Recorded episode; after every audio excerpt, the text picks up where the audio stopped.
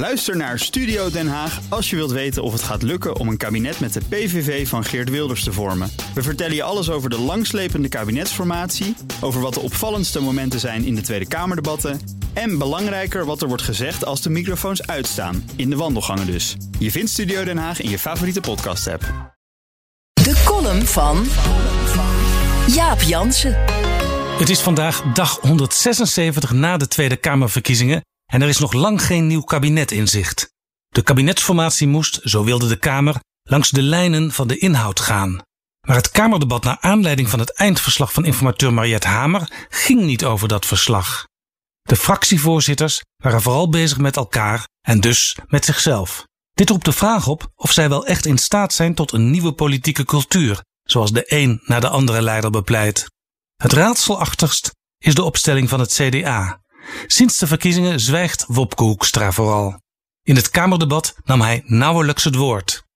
Langs de lijnen van de inhoud schreven VVD en D66 de basis voor een regeerakkoord.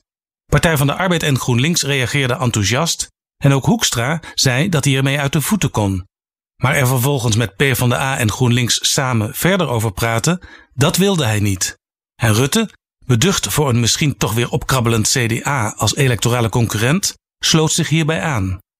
Behalve door VVD en D66 is in breder verband nog geen dag, geen minuut, geen seconde over de inhoud onderhandeld. Toch lijkt het CDA in beweging te komen. Omtzigt heeft definitief besloten solo te gaan, waardoor wat moeten we met Pieter niet meer speelt. Je kunt je hierbij natuurlijk wel afvragen of dit nu de beste manier is om een bijdrage te leveren aan de vooral ook door hem zo vurig gewenste nieuwe politieke cultuur. Interessant is vooral het nieuwe rapport over de koers van het CDA, geschreven door oude rot Richard van Zwol.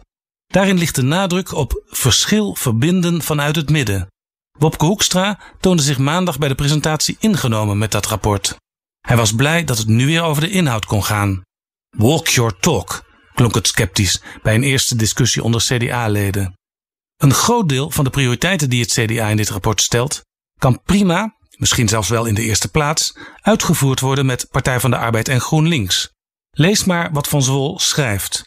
Kansenongelijkheid is groter dan ooit. Welvaart en gezondheid zijn ongelijk verdeeld.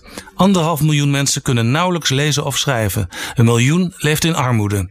En ook de middengroepen maken zich zorgen. Wie kan er nog een betaalbare woning vinden? Inhoudelijk slaat dit rapport de brug naar links. CDA-leden, aanwezig bij de presentatie, zeiden: Met Partij van de Arbeid en GroenLinks hebben we lokaal goede ervaring. Een aantal CDA'ers stelde dat hun partij zich te veel opstelt als bijwagen of zelfs kloon van de VVD. Vrijdag en zaterdag congresseert het CDA. Een belangrijk moment. Ook voor de nieuwe informateur Johan Remkes. Want hij kan pas echt van start als het CDA weer bereid is te bewegen en ook weet waar naartoe. Bij BNR ben je altijd als eerste op de hoogte van het laatste nieuws. Luister dagelijks live via internet. Bas van Werven. En heel langzaam komt de zon op rond dit tijdstip. Je krijgt inzicht in de dag die komt op BNR, het Binnenhof in Nederland en de rest van de wereld. De Ochtendspits. Voor de beste start van je werkdag. Blijf scherp en mis niets.